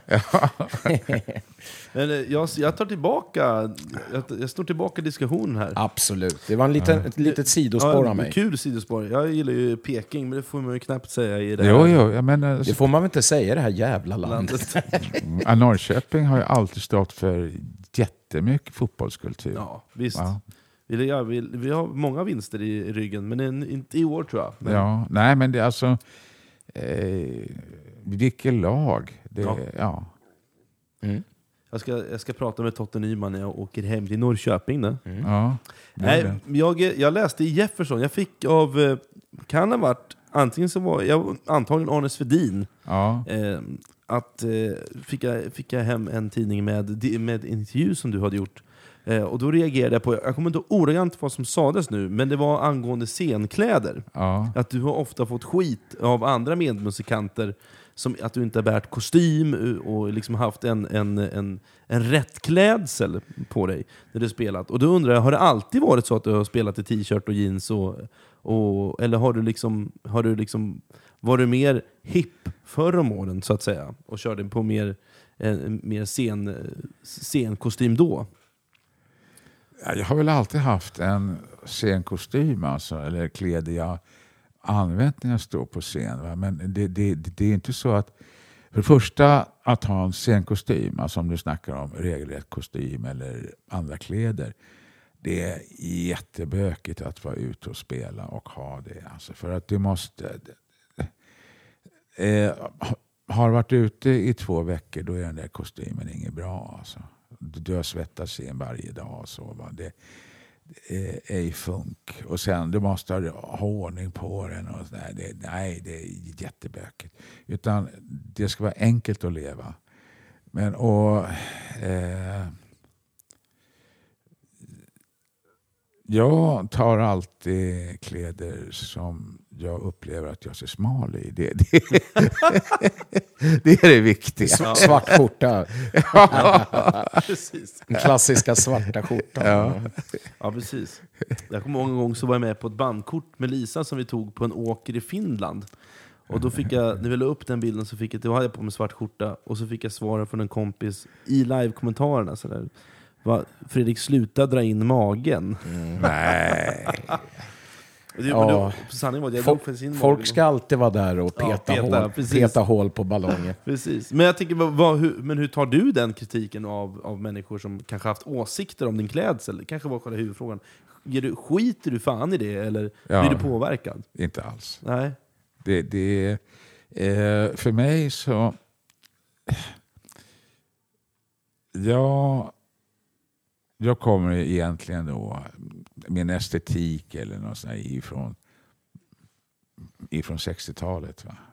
Och då så ansågs det ju som jävla korn att sätta på sig en massa speciella bandkostymer och så. Eftersom det är individens rätt att klä sig som man trivs. Va? Och eh, jag tycker att om jag sätter på mig kläder jag trivs med eh, och eh, det innebär det att jag spe, spelar bättre.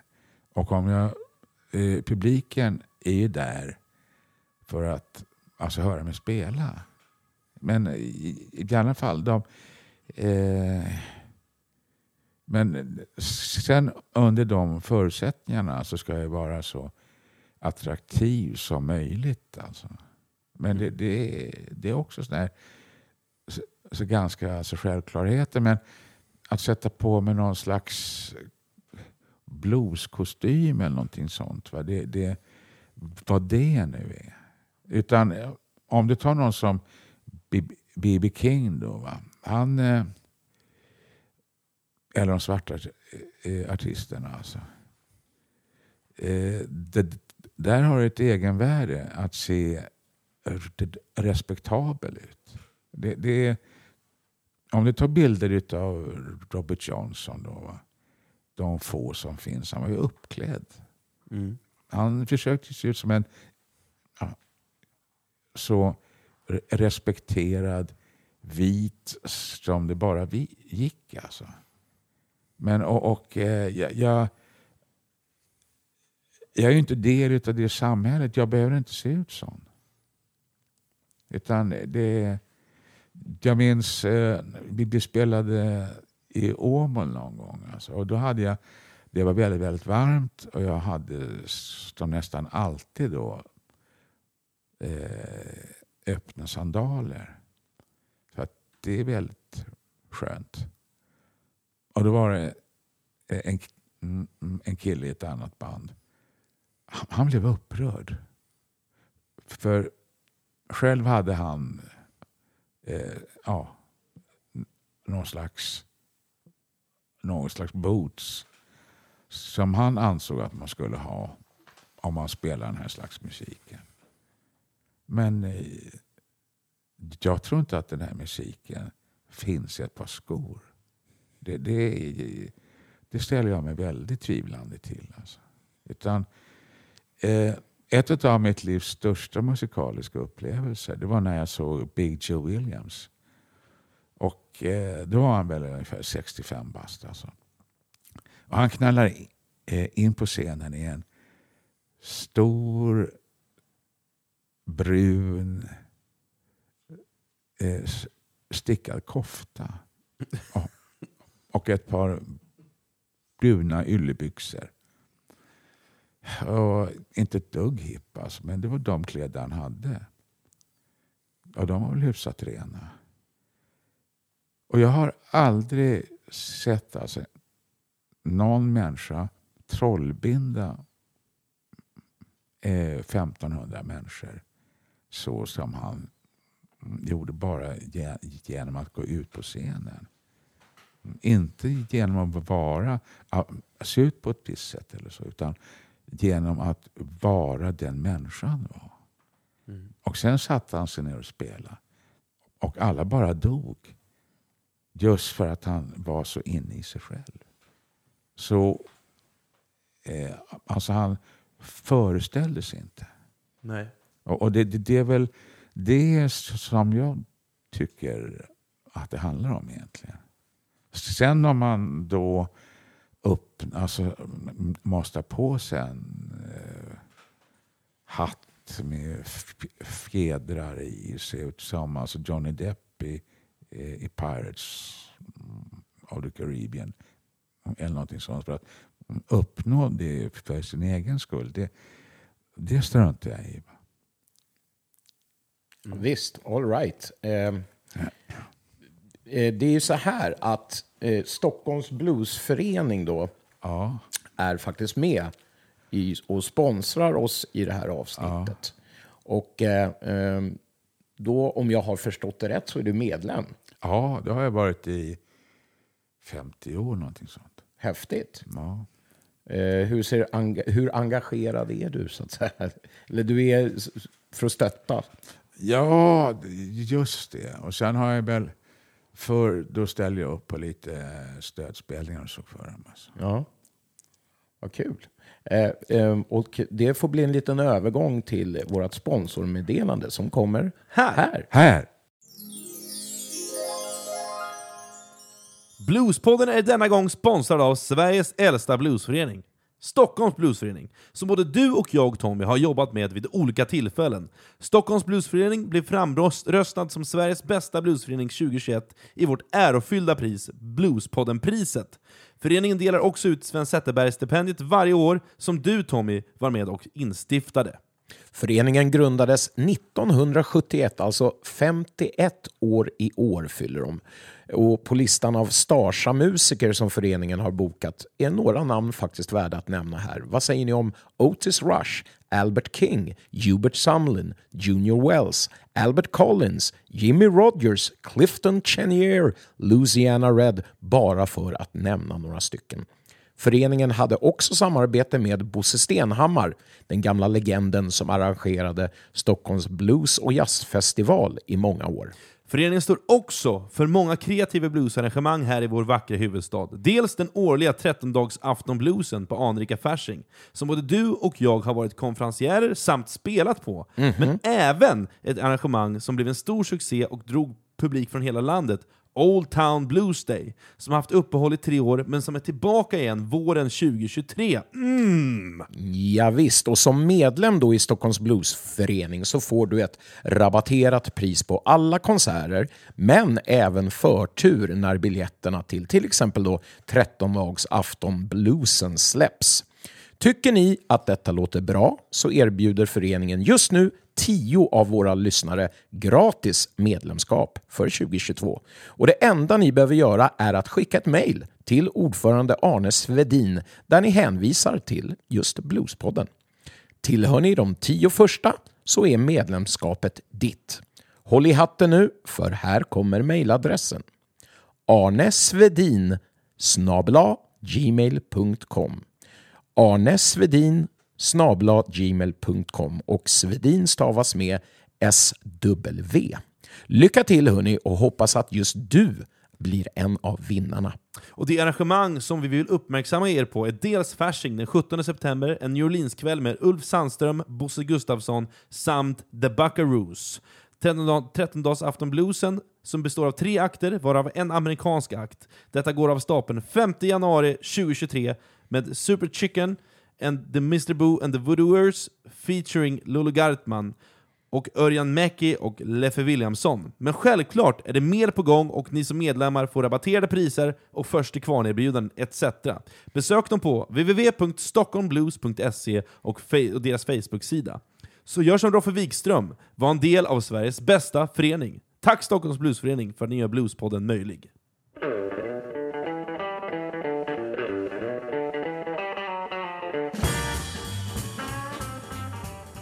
Ja, det där var alltså eh, ett ord om våran sponsor. Nu är det så att vi fick, fick in då en hel drös med lyssnarfrågor den här gången, vilket är kul förstås. Det var både högt och, och, lite väl lågt ibland på sina håll, så jag tog mig friheten då att sålla lite.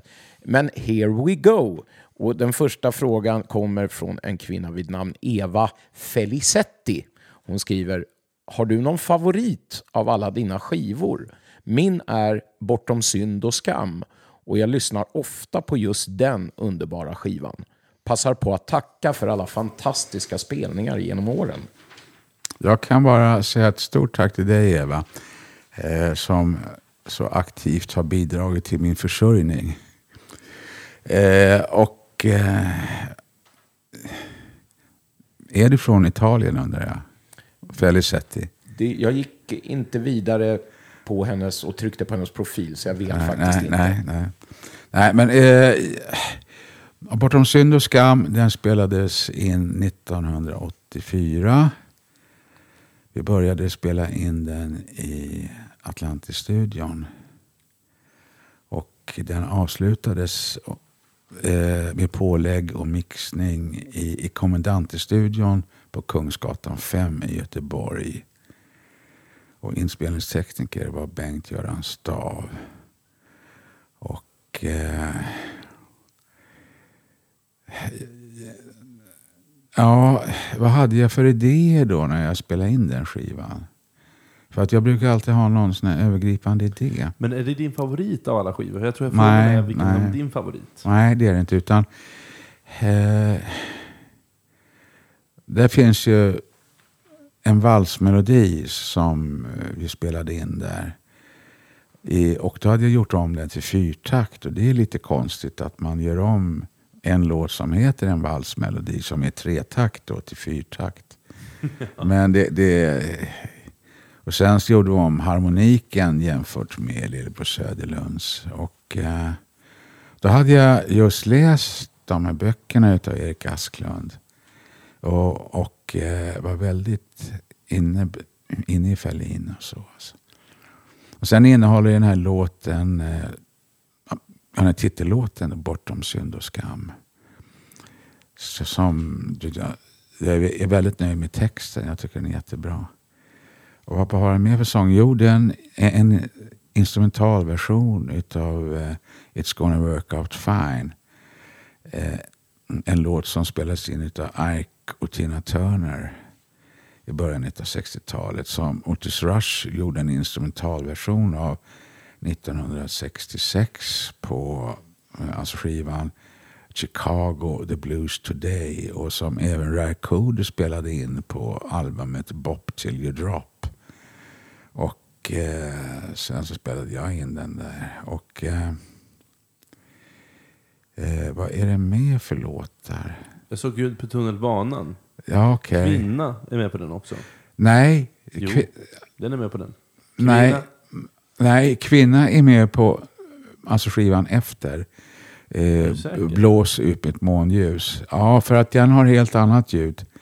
Eh, då bortom synd och skam så hade vi ett, så, ja, ett ganska vanligt ljud.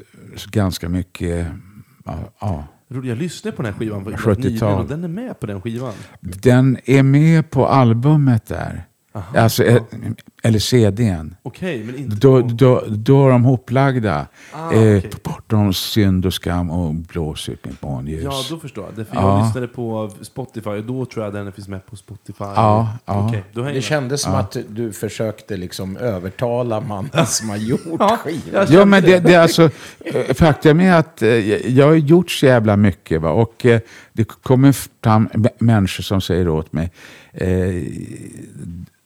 ja, du, alltså, du spelar med här. Gör jag, säger jag. Jag vet inte. Jag minns inte. Men och det, det är... Men, och, Har, ja. har du någon favorit? För Eva, har du, har, har, du kanske inte har någon favoritskiva av dina egna alster? Eller har du någon favoritplatta som du gjort som att den här gillar jag lite extra mycket? Precis som jag gillar 2005. Men har du någon egen platta som du känner? Jag tycker faktiskt att den eh, här som heter Allting förändras är till stora delar en skiva jag är väldigt, väldigt nöjd med. Den första akustiska? Ja, den första akustiska. Och eh, även den här du säger då, Live 2005, är också... För, för att de är väldigt olika. Eh, och allting förändras tycker jag nog är det bästa studioalbum som jag har gjort. Om, om man ser till helheten. Och, och det är det så att jag utgår ifrån hur väl mina intentioner har förverkligats. Alltså inte hur väl det är ja, någonting just så speciellt utan just det här hur väl stämmer resultatet med det jag ville göra. Nej, men och det, det eh, ja, Sen har jag andra alltså skivor jag är mindre missnöjd med. För att man måste ha den graderingen. Alltså. Eh, och då tycker jag att eh, blues, allt jag har, den är jag ganska nöjd med. Och likadant eh, alltså den skiva som heter Mississippi. Och eh, ja, sen så finns det alltså skivor jag helst vill att man gör ja, någon snygg salladsskål av. Ja, jag förstår. Ja, men eh, vi, vi, vi hoppas att Eva eh, med, med det eh, italiensk klingande efternamnet är nöjd. Filicetti. Ja, med det här uttömmande svaret. Ja. Och då går jag vidare på nästa fråga då, Tom. Ja. ja. Och då är det Jan Forslund frågar. Hur många gånger har du spelat på Rackis i Uppsala? Wow. Väldigt specifikt. Ja, det var specifikt. Men du har ju ett bra minne också. Så du kan Ja, men det, det, du vet, där, där har jag inte en aning om. Va? Det, det, det är som att alltså ställa frågan hur många ärtor finns det i ett, eh, i en pint? Du vet, det, det, det, det går inte. Alltså för att jag tror att det är någonstans mellan 300 och 500. Ja. Ja, och, Jävlar. eh, ja, för att vi, vi hade första spelningen där september 1977.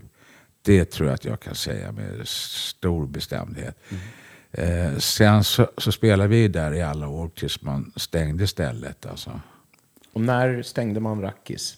Jag tror att det bör ha varit i början av 90-talet. Alltså man stängde det först en gång och sen fick de öppna igen.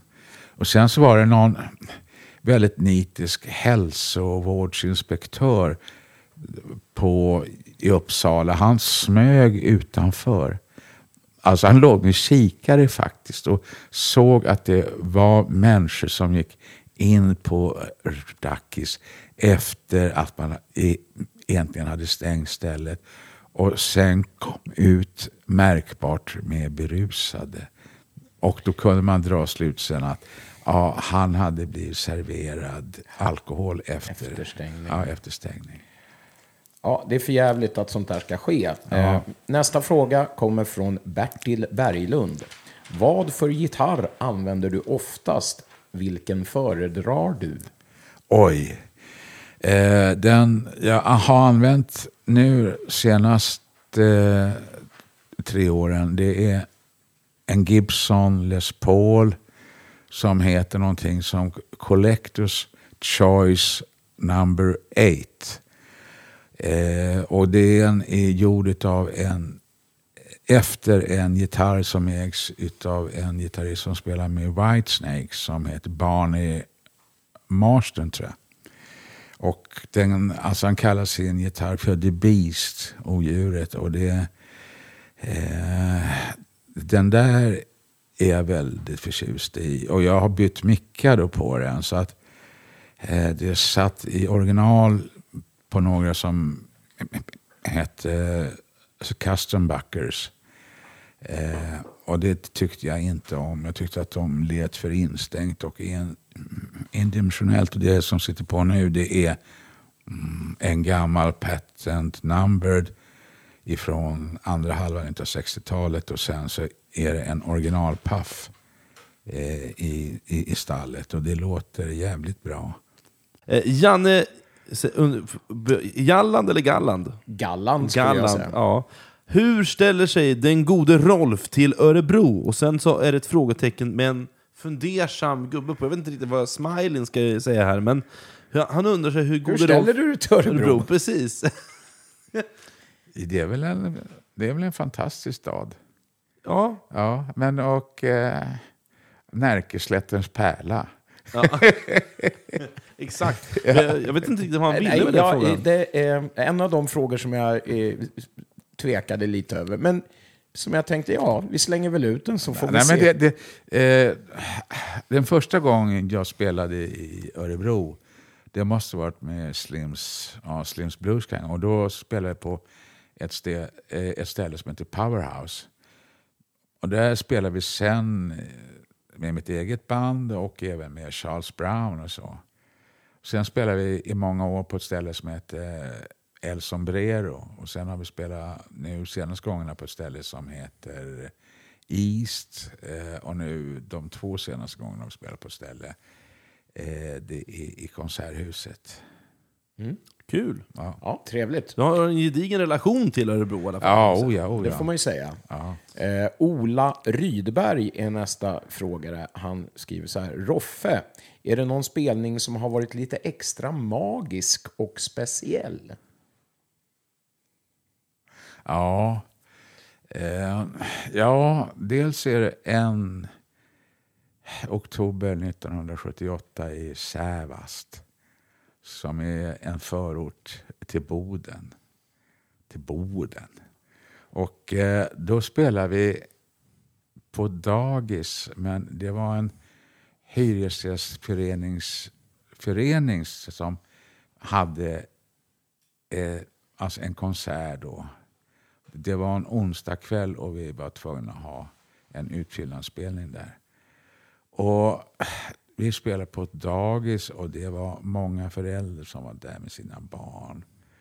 Och det var, man tror ju att det här ska ju bli någonting fullständigt ökenartat. Va? Det är inte mycket rock'n'roll över det här va? Nej, verkligen inte. Men då är man ju tvungen att se det så. Va? Utan, eh, det är en slags öppenhet man är tvungen att gå till då. Så, ja, och tänka utanför, utanför boxen. Ja, precis. Som de säger. Ja, man måste gå utanför boxen. Tänk. Nej, men det, det, och det blev jättefint och väldigt magiskt. Sen var det en annan spelning på Fasching i mitten av 80-talet. Och vi spelade ett andra set som höll på i två och en halv timme.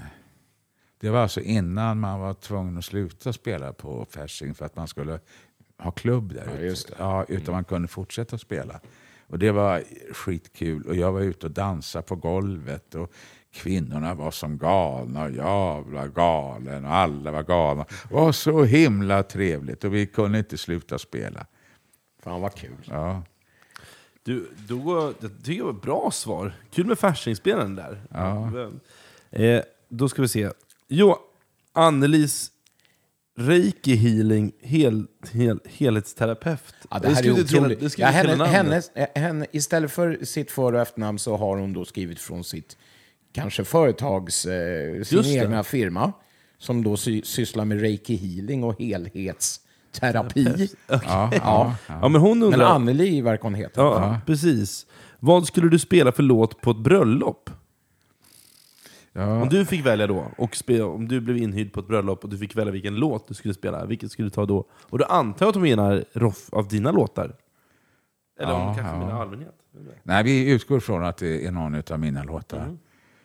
Ehm, vilken bra fråga. Jättebra. Eh, för att jag kan inte spela den här eh, Mitt hjärta är ditt, vilket den spelas ju på jättemånga bröllop. Va? Kärleken kommer, kärleken går, ingen kan tyda dess lagar. Så för att den har jag alltså sjungit då vid tre gånger på bröllop. När har varit nära vänner som har gift sig. Och det har slutat med skilsmässa i alla tre fallen inom tre år.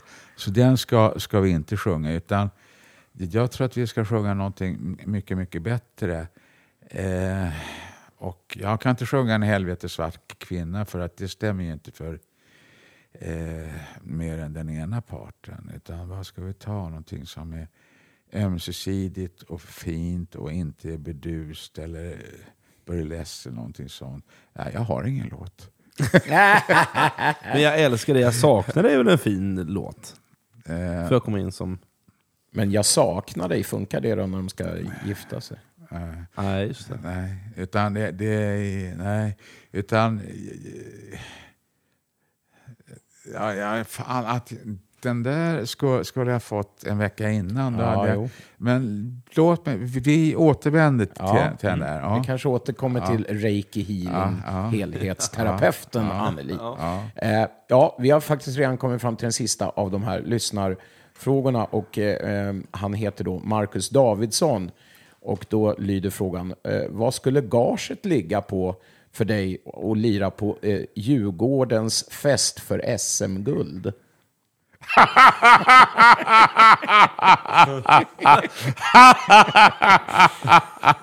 Jag sa ju att den var bra. Ja!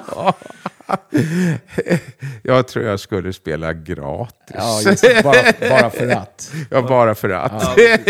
Men visst var det en rolig fråga? Jätteroligt. Och nu har jag hittat på svaret till eh, Anneli. Ja, Anneli. Och eh, jag tror att jag skulle spela in eh, min version eh, utav Min älskling, du är som en ros. Bra val. Ja, men den eh, måste ju kunna funka för, Ja. för båda parter. Ja, det tycker jag. Ja. Vi tackar alla lyssnare för tack. fina frågor. Ja, bra frågor. Kul att de skriver in frågor. Det, det har de inte gjort på alla. Så- Framförallt inte så här många. Så det ska du ta en... Du, jag tänkte på det, att du är ju väldigt exklusiv på något sätt. Eh, med, med, med, det känns som du åker dit och spelar, så signerar du plattor, men det känns väldigt privat. Alltså, du har en väldigt stor integritet i det ordet jag söker. Okej. Eh, så upplever jag, upplever du själv att du har stor integritet? Sådär med, som, som dig själv och... och, och Jävligt stor faktiskt. ja, ja, det känns som har det. det, det eh, jag försöker behandla alla människor med respekt och jag förväntar mig att bli, också bli behandlad med respekt. Det, det, det där är grundläggande för mig. Och jag vill inte hålla på och sälja ut mig själv. Och jag har tackat nej till väldigt mycket tv-grejer och sådär. För att jag vill inte vara med i sammanhang där jag är tvungen att tubba på min integritet. Och, och göra saker jag skulle skämmas för. Det där är, det där är intressant alltså för att eh, min son arbetade på TV4 som ljudtekniker åt, åt ett sånt här program. Eh, och så blev han tillfrågad utav att vara med i någonting som heter Stylingakuten. Och jag säger åt honom, nej gör inte det där Erik. Jo, men de gör i ordning lägenheten åt den. Sådär, ja, ja, det gör som du vill. Men, eh, Eh, och det blev ju så. Alltså. De eh, gjorde i ordning lägenheten på ett sätt, eh, sånt sätt som han inte tyckte om. Utan han var tvungen att återställa det. Och de gjorde om honom på ett sånt sätt han inte tyckte om. Och eh, det där är ju så va, att om du ger Satan en del av handen så är de snart upp och knaprar vid axeln. Ja, verkligen. Du, en citatmaskin. jag har hört många, inte, jag har hört att du har haft ett annat citat på tal om, nu hoppar jag in på en annan här. Du sagt att inte få röka i studion, det är som att inte få be i kyrkan. Jo, det, det, det, det där hörde faktiskt nu när vi håller på att spela in din skiva. Alltså. Mm. Eh, då var det Daniel Bingert, basisten, han eh, sa så här. Är, är det sant att du har sagt så här? Och jag, ja, så jag, jag, jag är rädd för det. Ja, Ja, på tal om det så hoppar vi rakt in på... För det var det ska, vi ska runda av här. Eh, och jag tänkte fråga, vad är närmsta planerna för herr Wikström? Ja, vi, nu i sommar så har vi vår nästa spelning, eh, inte nu på lördag utan efterföljande lördag. Sen är det, en, ja, det är mycket spelningar hela sommaren. Ja. Eh, tills ja, jul ungefär. Kul! Ja, och sen eh, så håller jag på och spelar in nytt album. Eh, inte mitt eget initiativ utan det är Martin Jonsson som är trummis med Blackness och pianisten Niklas Medin. De, vill göra ett album med mig som ska vara ungefär som eh, My Kind of Blues med B.B. King. Alltså, eh, väldigt sådär inspelat på äldre sätt, att man spelar in allihopa samtidigt. Och eh, ja, ståbas, trummor, piano. Coolt! Ja, väldigt sådär eh, typ då My Kind of Blues. Och sen, eh, eh, ja, sen så undrar jag alltid, har, har jag låtar? Sen så visar det sig att det är 20 stycken som man ja, har tänkt spela in. Ja, fränt. Så det kommer bli en ny Wikström-platta då till Ja, våren? ja det får vi se. Alltså, ja, vi, vi, hittills har vi mest utforskat hur det ska spelas in. Alltså, men sen, eh, svårigheten är ju när, när, när man spelar in skivor. Det tycker jag det störst, de två största svårigheterna det är att hitta på en titel och sen att hitta på ett omslag. Mm. Det andra det, det, det är mest ja, hårt arbete. Alltså. Var kommer ni spela in, eller har ni börjat? Nej, det, det som är spe, eh, speciellt det är Martin har ett ställe som är ute i eh, ja, det, det där han håller på och spelar. Då, va? Och det är inte alls någon studio utan det är ett rum och det finns även andra, andra rum. Alltså där. Men vi vill sitta tillsammans och spela in. Och där har ställt då svårigheter med att min gitarr ska inte gå in i, i ståbasen Nej. och så. Det är jättesvårt Ja, det är att ordna det. Va? Men, mm, och likadant trummor, sådär, att det, det, det, ja, att det blir så, så himla mycket läck in i allting. Och det, det är inget fel, sådär, men det ställer kravet på att det ändå ska vara möjligt att uppnå någon slags balans. Men det är inget fel att uppnå den här eh, mm, rumskänslan, utan det är ganska härligt. Ja, verkligen. Och jag, jag blev intresserad när du nämnde Atlantis och så. För oss musiker är det alltid kul att höra hur olika studios och såna här legendariska studios som inte vi vanliga har råd med, som inte har någon skivbolag i ryggen och så vidare. så Ja, hur, de, hur de har varit och, och spela in i och sånt där. Sånt skulle jag vilja sitta och prata i några timmar om. Det har vi Ja. inte tid med nu, men Ja, men vi kan ju stänga av och, och Ja, absolut. absolut. Eh, eh, sist ut så, så undrar vi eh, något så konstigt som att om du skulle få ändra på någonting under, med hela din långa karriär eh, på något sätt, hur, hur och varför i så fall skulle du göra det? Eller vill du inte ändra på något? Jag, eh, jag vet inte om det är del av min karriär, men jag arbetade som skådespelare under eh, från hösten 92 till med sommaren 93 på Stadsteatern. Jag var med i en uppsättning utav, utav kung Oidipus. Och det ångrar jag att jag ställde upp på. För att det tyckte jag var erbarmligt tråkigt och eh, eh, inte någon positiv upplevelse. Det kan jag inte påstå. Alltså. Och sen så hade vi möjlighet att åka till USA 84. Vi skulle spela på världsutställningen i New Orleans. Vi skulle vara med eh, på Blues Jazzfestivalen, Heritage Festival i New Orleans. Vi skulle spela på klubbar i hela sydstaterna. Va? Och det eh, var, var jag, kände jag mig tvungen att ställa in för att eh, vi hade just köpt ett hus i Enskede och det blev eh, den här turnén skulle gå så mycket back alltså, jämfört med om vi skulle vara, ja, sp- spela i Stockholm eller i Sverige eh, eller, eller i Norden. Så att det, det, jag, jag var tvungen att blåsa av det. Alltså. Och så här i efterhand så kan jag tycka att det var miss ur en massa aspekter. Alltså. Ja. Men eh, eh, upplevelsemässigt kanske mest. Va? Men, eh, eh, och sen eh, ångrar jag faktiskt lite att jag spelade in den där Ferlin-skivan. Alltså. På grund av det svar du gav tidigare. Ja, ja, för att eh, eh, det hade varit nog bättre att gå i motvind. Fortsätta. Ja, ja. Ja. Ja, men tack så hemskt mycket. Ja. Det är otroligt härligt samtal och vi Ja. återigen får tacka för att vi fick låna din tid. Och, Tack för att ni ville komma Ja, hit. tack Roffe. absolut. Kul. Lycka vi... till med allt nu. Ja, lycka till. Vi hörs. Ja, tack. Ja, Hej, hej. hörs. Hej. Hej då. Hej,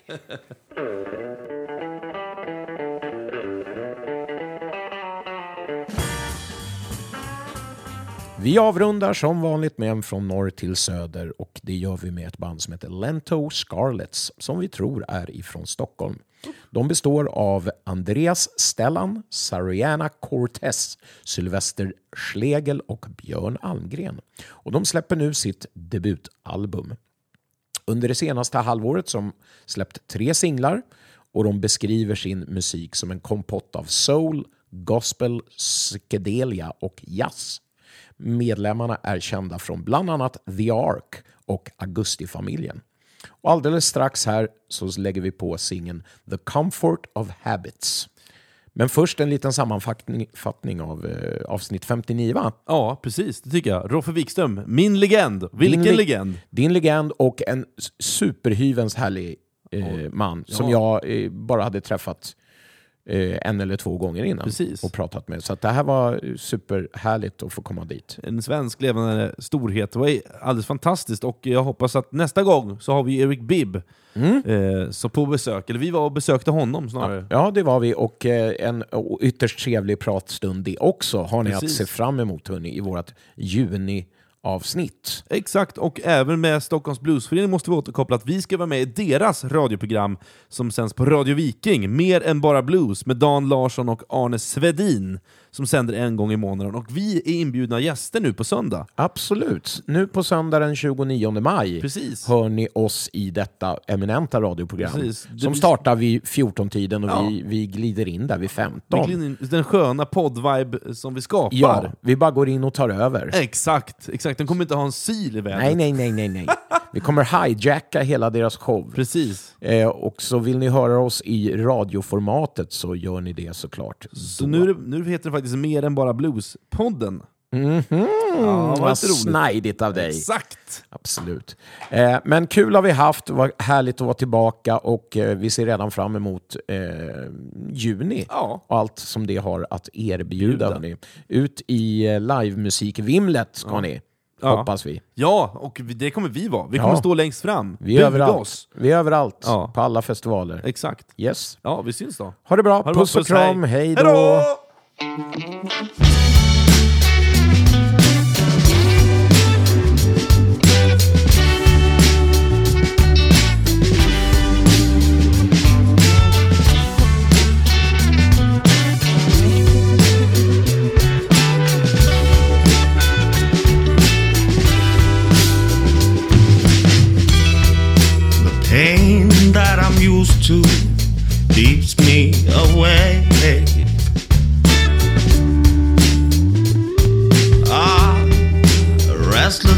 the night walk and darkest way.